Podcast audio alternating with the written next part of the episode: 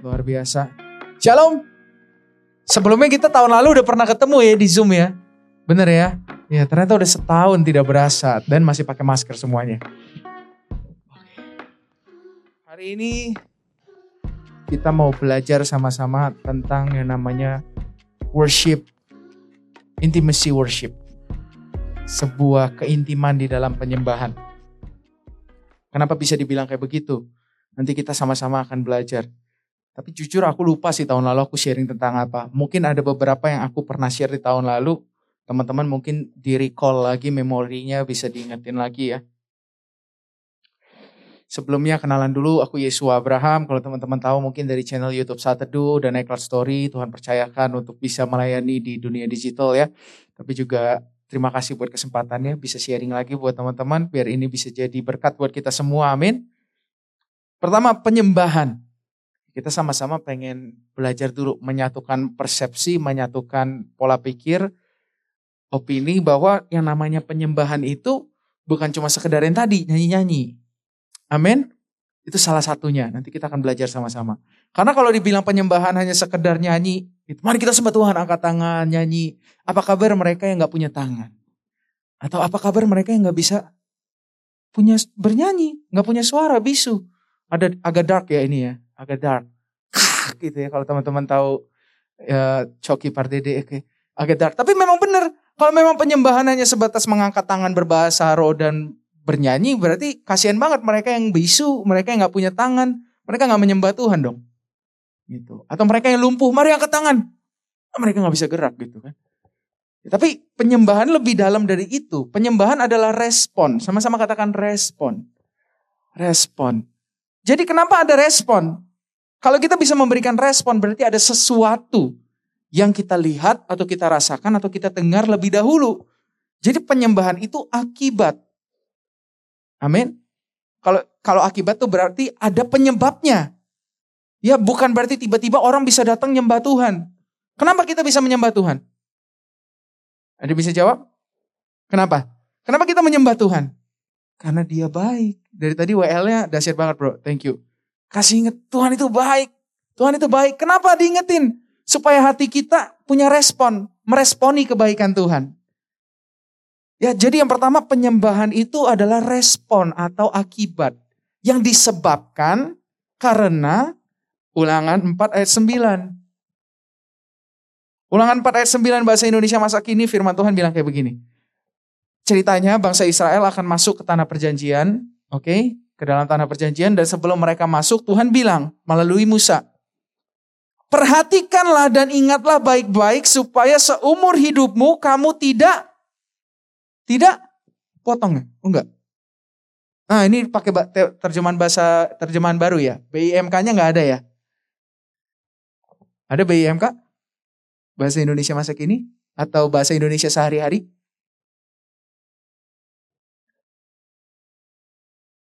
Oke, kita baca yang ini nggak apa-apa. Kita baca dulu ya. Tetapi waspadalah dan berhati-hatilah supaya jangan engkau melupakan hal-hal yang dilihat oleh matamu sendiri dan supaya jangan semuanya itu hilang dari ingatanmu seumur hidupmu. Ya, ya hilang.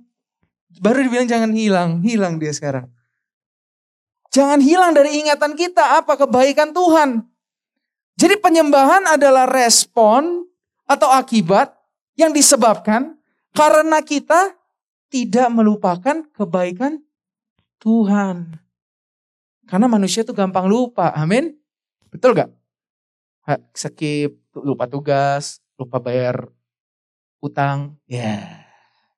Lupa bayar utang tuh sering banget tuh. Belaga-belaga lupa gitu kan. Ah, belaga-belaga lupa juga bisa. Ya kan? Pura-pura lupa. Lagunya mahen jadinya. Pura-pura lupa. Tapi gitu, manusia memang kerjaannya suka lupa. Lupain kebaikan orang, ingetnya keburukan orang. Bener gak? Yang susah-susah diingat, yang baik-baik dilupain. Makanya firman Tuhan bilang apa? Ingat baik-baik supaya kita tidak lupa akan kebaikan Tuhan. Jangan yang diingat disiplinnya Tuhan doang ya kan. Oh Tuhan waktu itu gak nolong saya, saya lagi kayak begini. Lupa, padahal sepuluh kali Tuhan nolong, satu kali paling Tuhan disiplin. Bahkan disiplinnya Tuhan pun buat kebaikan kita. Jadi sama-sama kita ingat hari ini bahwa penyembahan adalah respon atau akibat yang disebabkan karena kita tidak melupakan kebaikan Tuhan. Nah jadi kalau orang-orang datang katanya menyembah Tuhan, tapi nggak ingat sama kebaikan Tuhan, kerjaannya ngegerutu di rumah, yang diingat buruk-buruknya orang lain mungkin, situasi keadaan yang buruk saja mungkin, melupakan semua hal yang pernah Tuhan lakukan di hidupnya, itu bukan penyembahan. Makanya ada ayatnya Tuhan Yesus bilang kan, bangsa ini menyembahku dengan bibirnya tapi hatinya ja, jauh. Nah jadi pastikan hati kita selalu mengingat dan tidak melupakan kebaikan Tuhan. Amin. Poinnya dicatat, perhatikan, ingat, dan ceritakan. Nah, sebelum kita masuk lebih dalam, ini adalah hal yang sangat krusial. Karena ini landasannya, kita harus memperhatikan kebaikan Tuhan, mengingat, dan supaya kita bisa terus-terusan ingat, kita harus menceritakan. Di ending ayat yang tadi itu, Endingnya adalah ceritakan pada anak cucumu, generasi demi generasi. Jangan mereka lupa bahwa kamu tuh ingat akan kebaikan Tuhan. Sehingga mereka juga sadar akan kebaikan Tuhan. Mungkin ada beberapa dari teman-teman bilang, Kak tapi hidup aku sering kali gak menyenangkan. Banyak hal-hal buruk. Papa mamaku broken home. Aku ditinggal sama pacarku, diselingkuhin, aku dilupain sama teman-temanku. Bos aku kasih aku kerjaan terlalu banyak, terlalu berat tapi gajiku nggak UMR aja nggak nyampe gitu kan. Banyak hal buruk, aku nggak bisa lihat yang baik. Oke, coba sama-sama kita ingat lagi. Perhatikanlah, ingat baik-baik. Kalau kita memperhatikan dan mengingat sesuatu yang terjadi, kalau Tuhan suruh kita memperhatikan, melihat, apakah kita memperhatikan diri kita sendiri? Enggak. Mungkin bisa kalau lagi ada yang enak diperhatikan kita bisa memperhatikannya. Tapi perhatikan di sini berarti kita harus menyaksikan, melihat ada sesuatu yang dialami. Bukan pada diri kita. Tapi karena Tuhan yang mengerjakan. Apa itu? Kematian Yesus di kayu salib. Hidupmu mungkin gak nyaman, kamu banyak punya masalah, kamu punya hal-hal yang belum tercapai, banyak Tuhan say no dalam doa-doamu. Tapi satu hal yang Tuhan gak akan ambil dari kita, kematian Yesus di kayu salib. Jadi hal ini jadi lebih kerang lagi, jadi lebih jelas lagi. Kebaikan Tuhan itu bukan cuma sekedar dapat transferan gaji lebih dari yang seharusnya, diterima di universitas ternama, dapat jodoh menikah, punya anak, kaya raya, mati masuk surga. Bukan cuma itu doang. Ya. Jadi sultan, segala macam punya Ferrari, punya jam tangan ini itu bukan itu mas segininya kebaikan Tuhan nih. Bisa jalan-jalan, traveling, Tuhan baik banget. Aku bisa traveling loh, aku dapat tiket gratis, aku dapat miles, aku bisa naik bisnis kelas. Itu segini. Tapi kebaikan Tuhan yang sejati, the core, Jesus. Jangan lupa, Kenapa kita jadi Kristen? Bukan karena Tuhan jadikan kita kaya doang. Bukan cuma karena rekening kita miliaran. Ya. Kalau jadi Kristen alasannya itu kepesugihan aja. Ke Gunung Kawi. Banyak tuh bisa dapat duit ya. Ya kan jadi. Kalau enggak. Tipu orang nggak usah ikut Yesus. Orang Yesus aja kata Tuhan aku tidur di mana aja aku bingung. Anak manusia ya serigala mempunyai liang. Tapi anak manusia di mana tidurnya kata Tuhan. Kita mimpinya pengen punya rumah gede banget. Dan ketika kita punya rumah itu kita bilang Tuhan baik sekali sama aku. Sekalipun kita jadi gembel, sekalipun rekening kita nol, sekalipun kita mungkin tolak dalam nama Tuhan Yesus harus ngutang. Tuhan tetap baik. Kenapa? Karena dia udah mati buat kita. Dan itu yang termahal. Darahnya. Gak bisa dibayar dengan apa pun. Oke, sekarang catat ini. Penyembahan adalah respon atau akibat yang disebabkan oleh karena kita mengingat kematian Kristus bagi kita. Itu penyembahan yang sejati. Kasih tepuk tangan dong buat Tuhan. Amin. Jadi tolak ukurnya yang kita ingat bukan apa yang kita alami, tapi apa yang Tuhan alami ketika dia ada di dunia. Kalau yang kita alami mah, aduh, belum seberapa. Dia ditinggalin sama murid-muridnya. Ya kan, ada yang ngegombal dulu di awal, saya tidak akan meninggalkan engkau Tuhan gitu kan. Apa pun yang terjadi saya tidak akan pergi. Pas datang, das hilang orang semua. Ya gitu kan. Pas datang Yesus mau ditangkap, hilang semuanya. Ngikutin Petrus dari jauh, Yesus dihakimi, ya kan. Dia yang hakim dihakimi loh. Dia hakim loh. Dia yang harusnya menentukan apa yang benar, apa yang salah. Dia yang dihukum.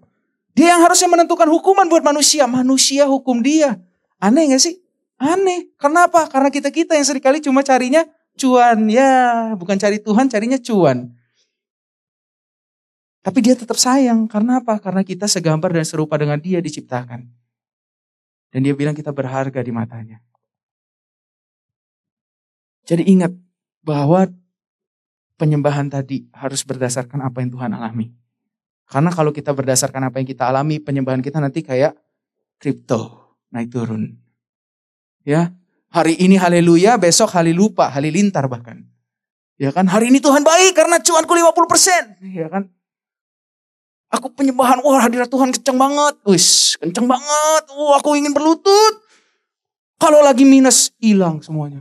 Mana Tuhan? Asih. Hilang Tuhan tiba-tiba. Itu apa? Karena penyembahannya berdasarkan apa yang kita alami.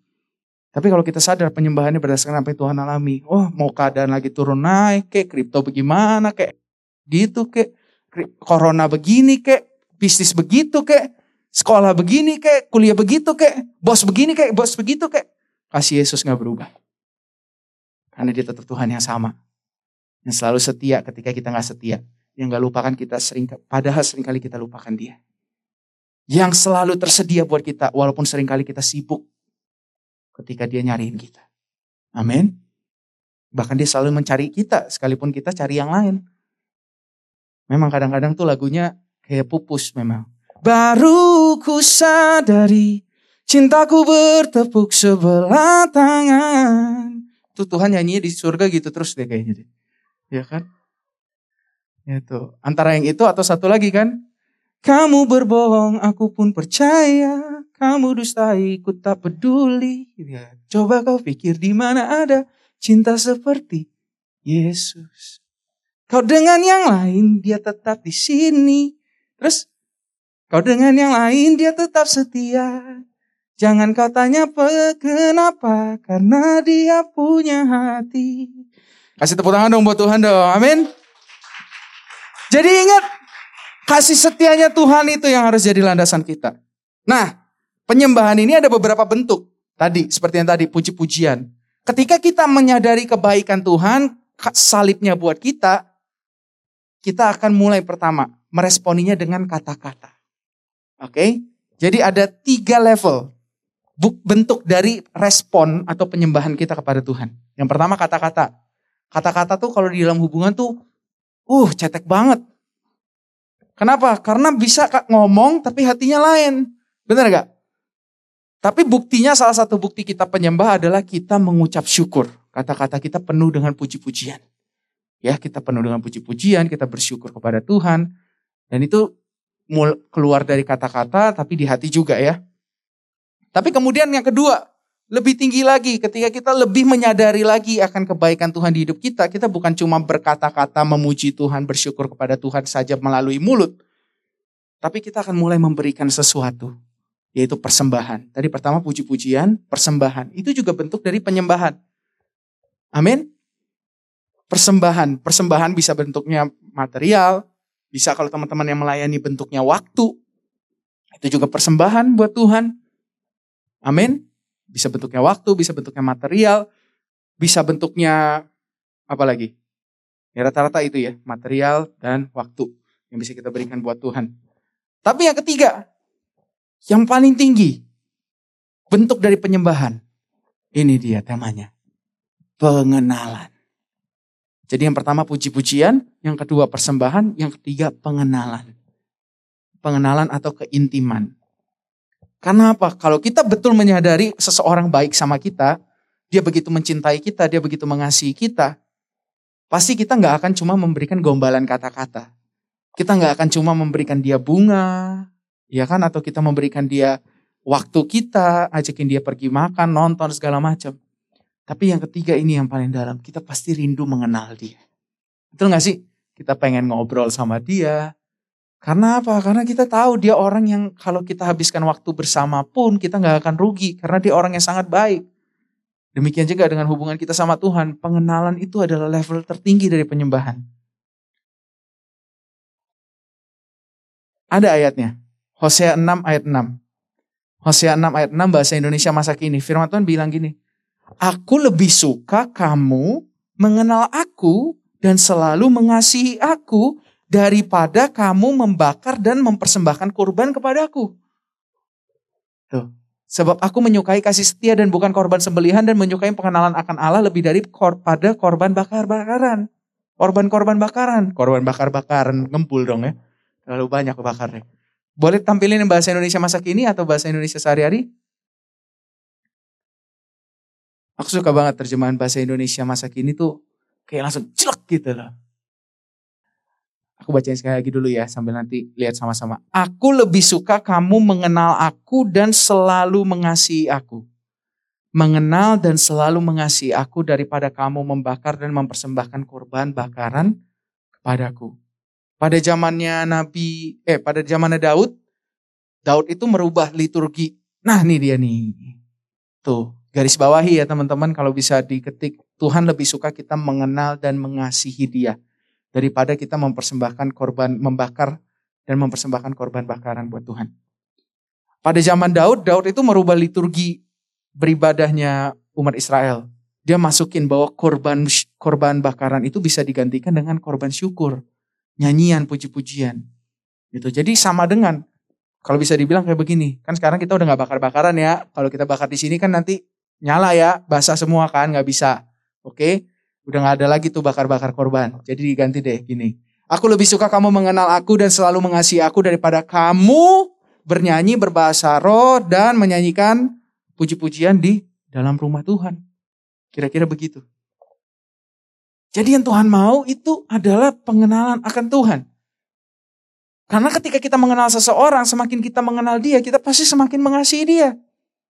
Amin. Dan gini, bentuk tertinggi dari penyembahan itu kan pengenalan. Dan di dalam pengenalan itu ada ketaatan. Makanya Tuhan suka banget orang-orang yang mengenal Tuhan. Karena semakin kita kenal seseorang, pasti kita semakin tahu dong dia sukanya apa, nggak sukanya apa. Dan kalau kita beneran sayang sama dia, kita pasti nggak akan melakukan yang menyakiti hatinya dia. Amin. Ayo sama-sama hari ini kita punya kesadaran yang baru bahwa Tuhan aku rindu supaya aku bisa betul-betul menjadi penyembah-penyembah yang gak cuma ngomong doang, yang gak cuma mempersembahkan sesuatu, tapi betul-betul mengenal siapa Tuhan. Dan taat sama Tuhan. Di dalam pengenalan ada ketaatan.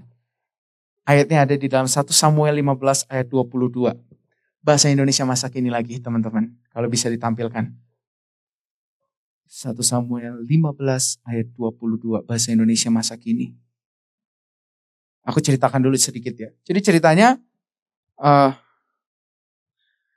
aku lupa bangsa Israel pokoknya disuruh menyerbu satu tempat dan Tuhan bilang jangan agak kalau nggak salah raja agak ya dan Tuhan bilang jangan sampai kalian menyisakan satupun ternak mereka, bahkan rajanya pun harus kalian habiskan. Itu Tuhan berfirman kepada Saul. Akhirnya Saul kan wah, berperang, menghabiskan semuanya. Tapi apa? Dia mengambil ternak-ternak yang bagus. Padahal Tuhan udah suruh habiskan semuanya. Jangan ada yang kamu ambil. Dia pakai pikiran manusia, wih kita ambil aja ternak-ternak yang bagus. Siapa tahu ini kan bisa kita bakar jadi korban persembahan buat Tuhan. Tuhan jadi senang. Terus Tuhan udah suruh rajanya harus dibunuh, gak boleh ada yang tersisa. Tapi apa yang terjadi? Dia gak bunuh rajanya, dia bikin dia bikin negosiasi dengan raja tersebut. Dan akhirnya Samuel bilang kepada Saul, manakah yang lebih disukai Tuhan? Ketaatan atau kurban persembahan? Taat kepada Tuhan lebih baik daripada mempersembahkan kurban. Patuh lebih baik daripada lemak domba. Seringkali kita pakai pikiran manusia. Oh kayaknya yang ini Tuhan seneng nih, kayaknya yang itu Tuhan seneng nih. Mungkin dengan begini, ya kan? Mungkin ketika ketika lebih seperti ini Tuhan lebih seneng gitu. Mungkin dengan aku nanti uh, berinvestasi segala macam, aku dapat uang, aku bisa kasih ke gereja sini ke situ, aku bisa bantu papa mamaku, mungkin Tuhan akan lebih seneng. Mungkin dengan aku bisa uh, pelayanan di gereja lebih lama, Tuhan akan lebih senang. Kita pakai pikiran manusia. Nah keputusan-keputusan itu apakah diambil dengan kita melibatkan Tuhan? Kita bertanya sama Tuhan, apa sih yang sebenarnya Tuhan mau? Nah di dalam pengenalan tadi kita akan tahu apa yang Tuhan mau. Aku punya pengalaman. 2016 waktu itu Tuhan kasih aku sebuah pilihan yang sangat berat banget. Karena gini, waktu itu di gerejaku lagi butuh sumber daya manusia, tim untuk untuk PW dan aku diminta untuk lead tim itu. Dia bilang, yes, saat itu aku masih bekerja di wedding organizer sebagai penyanyi di wedding entertainmentnya. Dan ini personal ya, hubungan sama sama Tuhan itu personal. Jadi ini nggak bisa kalian pastikan buat diri kalian sendiri juga. Jadi harus tanya Tuhan lagi. Ini ceritanya aku gitu. Aku nggak melawan kalian yang full timer or anything. Kalau memang udah tanya Tuhan dan itu maunya Tuhan ya go ahead. Cuma ini pengalamanku. Waktu itu diminta untuk full timer dan dia gembalaku bilang, Yes, kamu full time aja di sini. Bukankah sama-sama baik kamu di gereja, kamu full time, digaji, kan aman.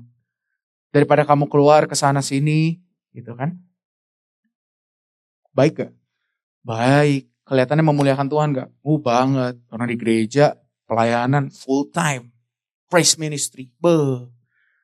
Keren banget kan? Worship pastor. Yesua Abraham. Waktu itu 18 tahun langsung ada gelarnya worship pastor wih keren gitu. Tapi satu sisi aku tahu bahwa Tuhan mau aku bisa memberkati orang-orang di dunia sekuler juga, bukan cuma di rumah Tuhan doang. Tapi kan kelihatannya ini menarik gitu. Full time ya sama-sama lah gitu kan dapat maksudnya kehidupan juga dicukupi sama gereja. Aku ketemu dengan mentorku, aku bilang, "Kok saya disuruh dia sebenarnya uh, orang Jawa, Mas sebenarnya Mas Mas Jul, tapi saya kebiasaan manggilnya Koko terus. Ya udah ya, nggak apa-apa lah ya, gitu kan. Kok Jul, saya pengen kasih tahu nih, diajakin sama gembala untuk bisa full time. Gimana menurut Koko? Menarik nih kok, pelayanan juga loh kok, biar Tuhan disenengin. Terus mentor saya jawab apa? Tahu? Maunya Tuhan apa maunya gembala kamu? Wah, itu maunya Tuhan apa maunya gereja? Itu maunya Tuhan apa maunya ketua youth kamu? Dia bilang apa? Tanya Tuhan lagi. Itu. Tanya Tuhan lagi. Minta tanda lagi. Tunggu lagi. Lalu ketua IT saya, eh ketua IT saya, mentor saya bilang sebuah perumpamaan. Yes, ini semua dunia, ya kan, Tuhan izinkan ada karena Tuhan yang ciptain. Segala sesuatu yang ada di dunia ini baik itu bidang rohani, bidang sekuler, bidang eh, pergerejaan, organisasi, hukum, pariwisata, kuliner, eh, kesehatan, pemerintahan, semuanya itu Tuhan izinkan ada. Tujuannya satu, untuk kemuliaan nama Tuhan. Jadi nggak ada lagi yang ini buat Tuhan, yang ini buat saya, yang ini sekuler, yang ini rohani. Seharusnya semuanya rohani. Karena apa? Semuanya buat Tuhan.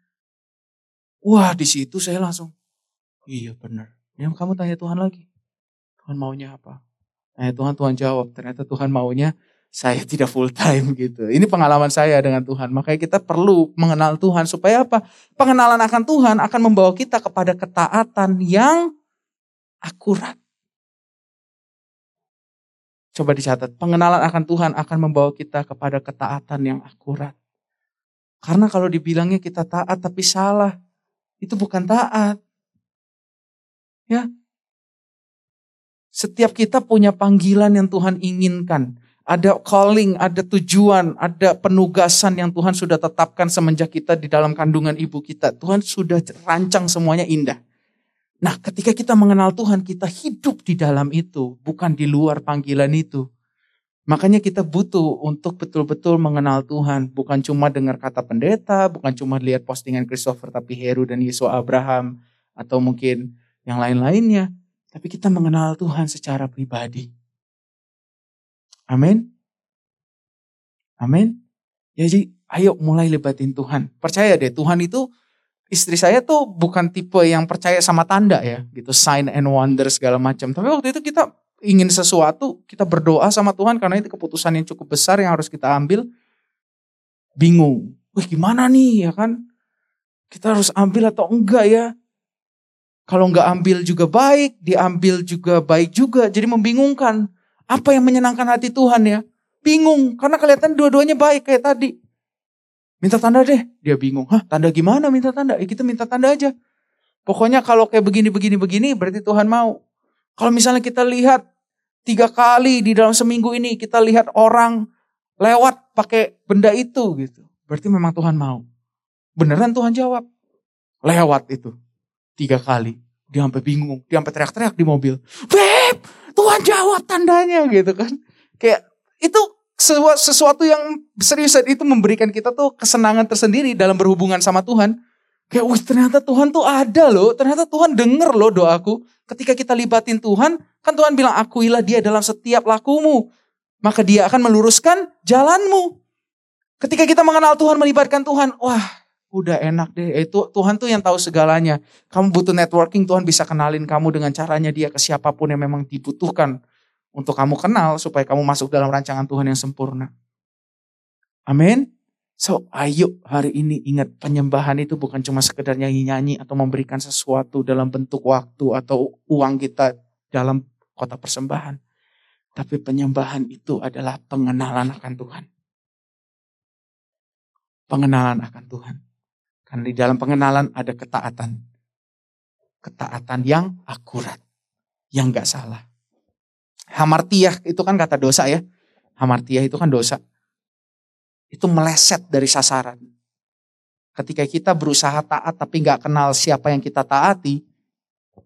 Kalau kita ibaratnya tarik garis dari sini, melenceng 0,5 cm aja, coba tarik 10 km. Miring guys. Meleset tetap. Ya, jadi sama-sama ingat, kita mau kita taat dan tepat sasaran. Karena itu kita butuh mengenal Tuhan. Aku akan kasih uh, sebuah perumpamaan ini ya. Lucifer dan Daud. Wih, keren gak nih? Lucifer tuh penyembah juga loh. Ya. Dia adalah penyembah yang paling luar biasa di sorga. Makanya dia jadi pengetahuan kita sejauh ini. Dia itu kan worship leader di surga. Ya gak sih? Tapi kenapa yang berkenan di hati Tuhan Daud? Karena yang pertama Lucifer cuma perform. Ya, Penyembahan dengan pertunjukan itu hal yang berbeda. Dia cuma lip service. Dia nggak mau menerima teguran Tuhan. Dia melayani, tapi nggak intim sama Tuhan. Karena apa? Berada di dekat Tuhan dengan mengenal Tuhan itu sesuatu yang sangat berbeda. Kita bisa deket-deketan sama orang dua jam, tiga jam, ya kan? Tapi kita belum tentu mengenal orang itu. Sama dengan receiver. Dekat sama Tuhan belum tentu mengenal Tuhan. Maka kita bukan cuma mau dekat doang, Tuhan selalu di dekat kita, Tuhan mengenal kita. Tapi apakah kita mengenal Tuhan? Itu pertanyaan yang berbeda. Nah, Lucifer cuma mengejar popularitas dan kemuliaan untuk dirinya sendiri. Buktinya apa? Dia pengen menjadi Tuhan. Akhirnya dibuang ke dunia, ke bumi. Tapi Daud berbeda. Daud itu orangnya tulus. Dia menyembah dari hati, bukan cuma dari mulut. Dia menerima teguran, hatinya lembut, dia selalu mengenal Tuhan, bukan cuma berada di dekat Tuhan. Dan dia mengejar isi hatinya Tuhan, bukan apa yang ada di tangannya Tuhan. Nah, sering kali kita mengejar apa yang ada di tangan Tuhan. Berkat kesehatan, umur yang panjang, kebahagiaan, kesuksesan, damai sejahtera. Itu yang ada di tangannya Tuhan. Ya Tuhan mau kasih itu semua, tapi yang harus kita kejar adalah hatinya Tuhan bukan apa yang ada di tangannya Tuhan. Karena apa? Karena di dalam hatinya Tuhan kita mengerti rancangan Tuhan yang sepenuhnya. Makanya dikatakan Daud itu adalah orang yang sangat berkenan di hati Tuhan. Ya teman-teman, jadi sama-sama yuk kita rindu menyadari ini. Bahwa kita mau jadi kekasih-kekasihnya Tuhan. Bukan cuma penyembah-penyembah. Karena apa? Penyembah belum tentu mengasihi Tuhan. Penyembah belum tentu mengasihi Tuhan. Tetapi kekasih-kekasihnya Tuhan. Orang-orang yang mengasihi Tuhan. Pasti menyembah Tuhan. Aku akan tutup dengan ayat ini. Yohanes 15 ayat 4 sampai 5. Tuhan bilang kayak begini. Hendaklah kamu hidup bersatu dengan aku. Tim musik boleh? Dan aku pun akan tetap hidup bersatu denganmu. Sama seperti cabang tidak bisa berbuah kalau hidup terpisah dari pohonnya. Begitu juga dengan kamu. Kalau kamu tidak hidup bersatu dengan aku, kamu tidak akan bisa berbuah. Aku memang seperti pohon anggur dan kamu seperti cabang-cabangku. Kalau kamu tetap hidup bersatu dengan aku dan aku tetap hidup bersatu dengan kamu, maka kamu akan menghasilkan banyak buah. Tetapi kalau kamu terpisah dari aku, kamu tidak akan bisa berbuat apa-apa. Ya. Kenapa kita butuh mengenal Tuhan? Karena di dalam pengenalan ada ketaatan yang akurat. Dan yang kedua, kita itu nggak bisa apa-apa tanpa Tuhan. Kita butuh Tuhan setiap hari, setiap waktu. Tuhan tahu kita itu sebagai manusia tuh rapuh. Bukan cuma rapuh, labil. Ya, kita mudah terbawa emosi, terbawa suasana, terbawa keadaan. Tapi ketika kita melekat sama Tuhan, aliran kasihnya Tuhan mengalir memampukan kita untuk selalu hidup seturut apa yang Tuhan rindukan. Amin. Jadi hiruma ya. Jadi ya jadi sedih ya. Yuk siapin hati kita yuk sama-sama. Bolehkah pejamkan mata di dalam hadirat Tuhan?